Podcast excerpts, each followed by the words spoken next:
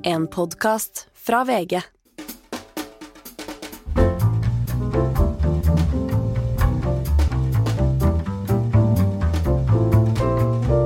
I dag kom omsider Forsvarskommisjonens rapport. Jeg har satt meg ned sammen med kommisjonsleder Knut Storberget. Her får du en forsmak på vår samtale rykende fersk. Hele episoden kan du høre på Podmy og VG+ til helgen. Knut Storberget er tidligere justisminister. Nå er han statsforvalter i Innlandet. Og enda viktigere, han er leder for Forsvarskommisjonen, som la frem sin rapport nå denne uka. For hvordan er egentlig Norge forberedt dersom det verste skulle skje? Knut Storberget, velkommen hit. Tusen takk. Fint å være her. Du sa da du la frem rapporten at forsvaret vårt er lite og sårbart, at utholdenheten er for svak, og at forsvarsevnen i dagens situasjon er direkte uforsvarlig. Det er sterke ord.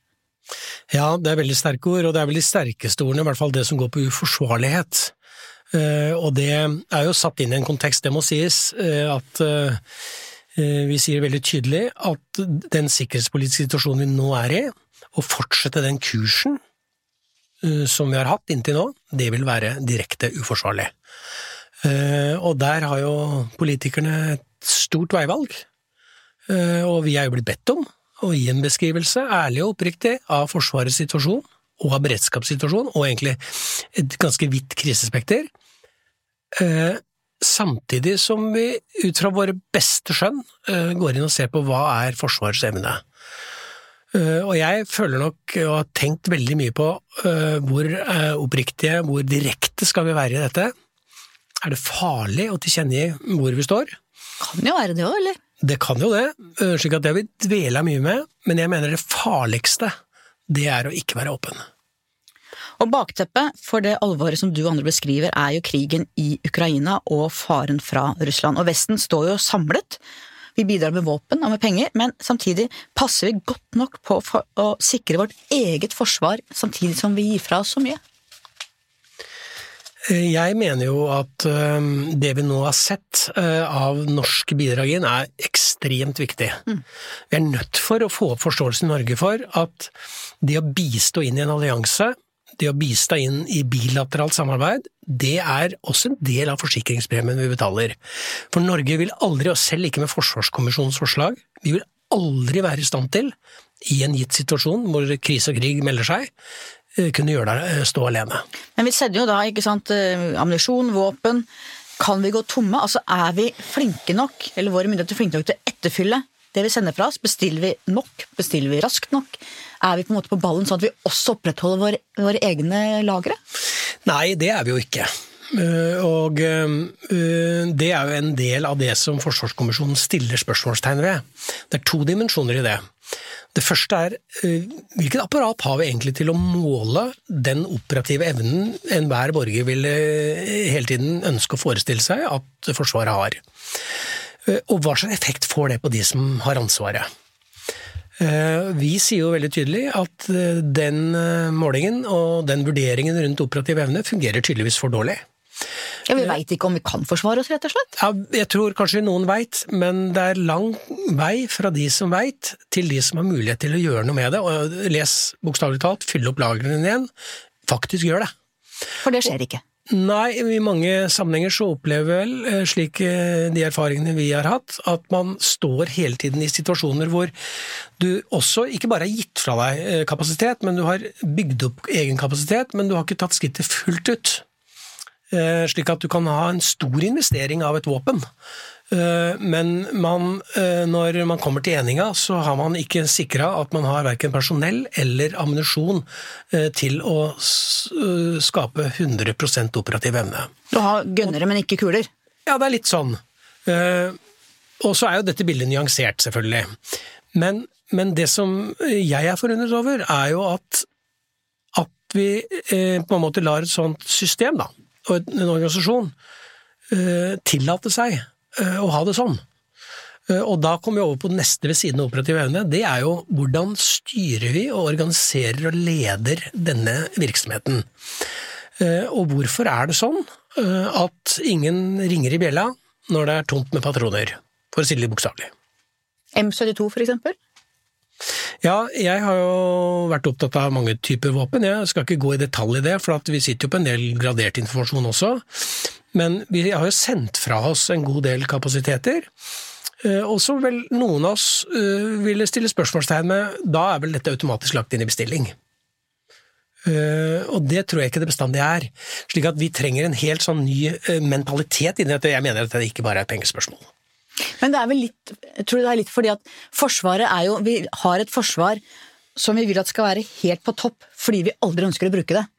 Gjør det at det blir en slags mentalitet som at de er ikke nok på hugget for at de ikke tror de kommer til å bli brukt? Er det noen sånne mekanismer som ligger der? Jeg tror du er inne på noe. Og vi ser jo det at en del av de norske kapasitetene, enten det er fregatter eller andre typer, eksempel også helikopter, at vi har stilt så strenge krav og hatt så krevende kravspesifikasjon til det utstyret vi skal kjøpe, at det blir virkelig topp for Norge. Men eh, om det er gunstig i en f.eks. en alliert ramme hvor du skal samarbeide med andre med lignende utstyr, det er ikke sikkert. Og så er det sånn at det blir forholdsvis kostbart, det tar lang tid. Eh, og hvis det da er sånn at du skaffer den skarpe ammunisjonen eller innsatsfaktorer til slutt, i et løp som kanskje er blitt mye dyrere enn du opprinnelig planla, og det skjer jo ikke så rent sjelden, eh, så kommer du ikke helt i mål. Og da er det litt sånn som eh, du kan ha aldri i verden så fin bil, men hvis du ikke får strøm eller drivstoff på den, så er den egentlig ikke så mye verdt. Og Noen snakker jo om kanskje at vi bestiller det beste, også type lastebiler og sånne ting. At vi kunne kjøpt hyllevare, men da kjøper helt spesialting på alle nivåer.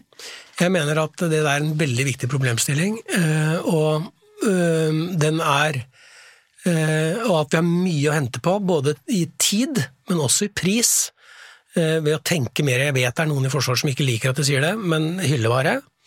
Og at hyllevare fins og at vi kanskje også tenker mer på å kjøpe eh, varer og kapasiteter og utstyr, da, eh, som våre nærmeste allierte faktisk har.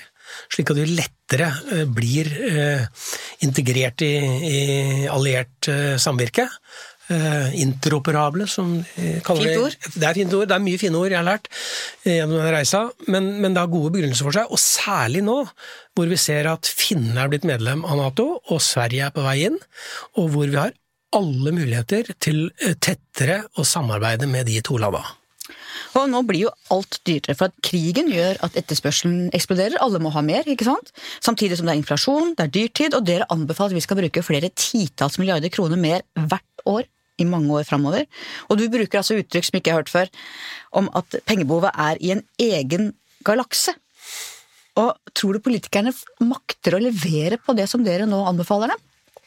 Er jo en tidligere justisminister som snakker, liksom. Ja. Eh, for jeg, du er vant til store penger. Jo, men, men, eh, når du beveger deg fra justissektor til forsvarssektor, så opplever du at en halv fregatt kan finansiere hele norske politiets investeringsbehov. Ikke sant? Slik at Det er derfor det er der den galaksen kommer inn, hvor det føler liksom at det, og det er jo ikke forsvarsfeil. Det er jo en industri som, hvor eh, prisen nå er i ferd med å galoppere i vilden sky, og det har jo også vært veldig dyrt. Og det er veldig dyrt. Det er jo meget avansert teknologi, og vi står jo framfor store teknologiskift nå framover, som ikke liksom umiddelbart vil indikere at dette blir billigere, med noen unntak. Det, det, kan være sånn at en del autonome systemer hvor ikke mennesker skal håndtere droner, f.eks., eller man skal håndtere droner, men skal ikke sitte i drona, så vil det kanskje bli billigere.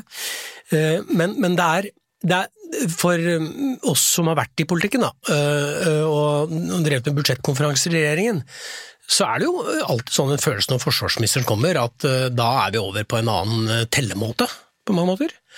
Eh, og hvor du liksom ser sulten etter den ene milliarden etter den andre, og vet hva du kunne få gjort med den i både utdanning, helse og justis. Eh, og, så, eh, og det er jo en av grunnene til at vi, vi, er ganske moderate vi i Forsvarskommisjonen, for vi, vi, snakker jo om at i løpet av en tiårsperiode så må vi ha ny overflatestruktur, altså nye, nye fartøyer på sjøen og som ikke er nødvendigvis skiller seg i volum så veldig mye fra det man uh, har planlagt uh, allerede i dag. Det koster veldig mye penger. Uh, så har vi et luftvernaspekt i dette, som også koster veldig mye penger. Det, har dere er ikke luftvern over Oslo, f.eks.? Nei, det har vi veldig lite av. Er ikke det litt rart? Det vil mange si, og når du ser på situasjonen i Ukraina nå, så, så, vil man i hvert fall være veldig glad for å ha luftvern. Ja, For det er det som beskytter, ikke sant? Mot raketter som kommer? Det er defensivet som tar ned rakettene. Og det er klart at Det koster veldig mye penger. Og det er, Én ting er liksom at innsatsfaktoren i dette er dyrt, men det er jo også sånn, det er jo nærmest en litt sånn monopolisert verden.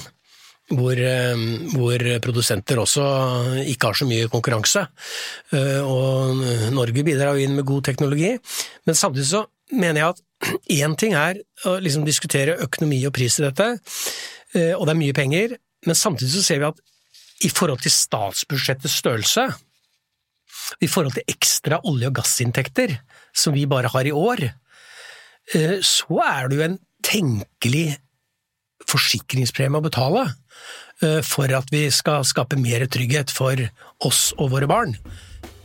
Nå har du hørt en forsmak på min samtale med Knut Storberget, leder i Forsvarskommisjonen.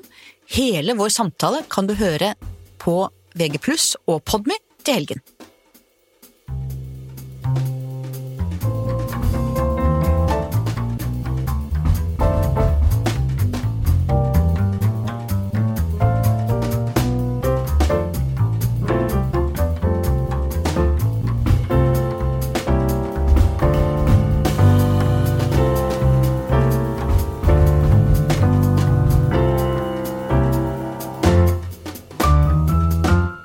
Har hørt en podkast fra VG. Ansvarlig redaktør, Gard Steiro.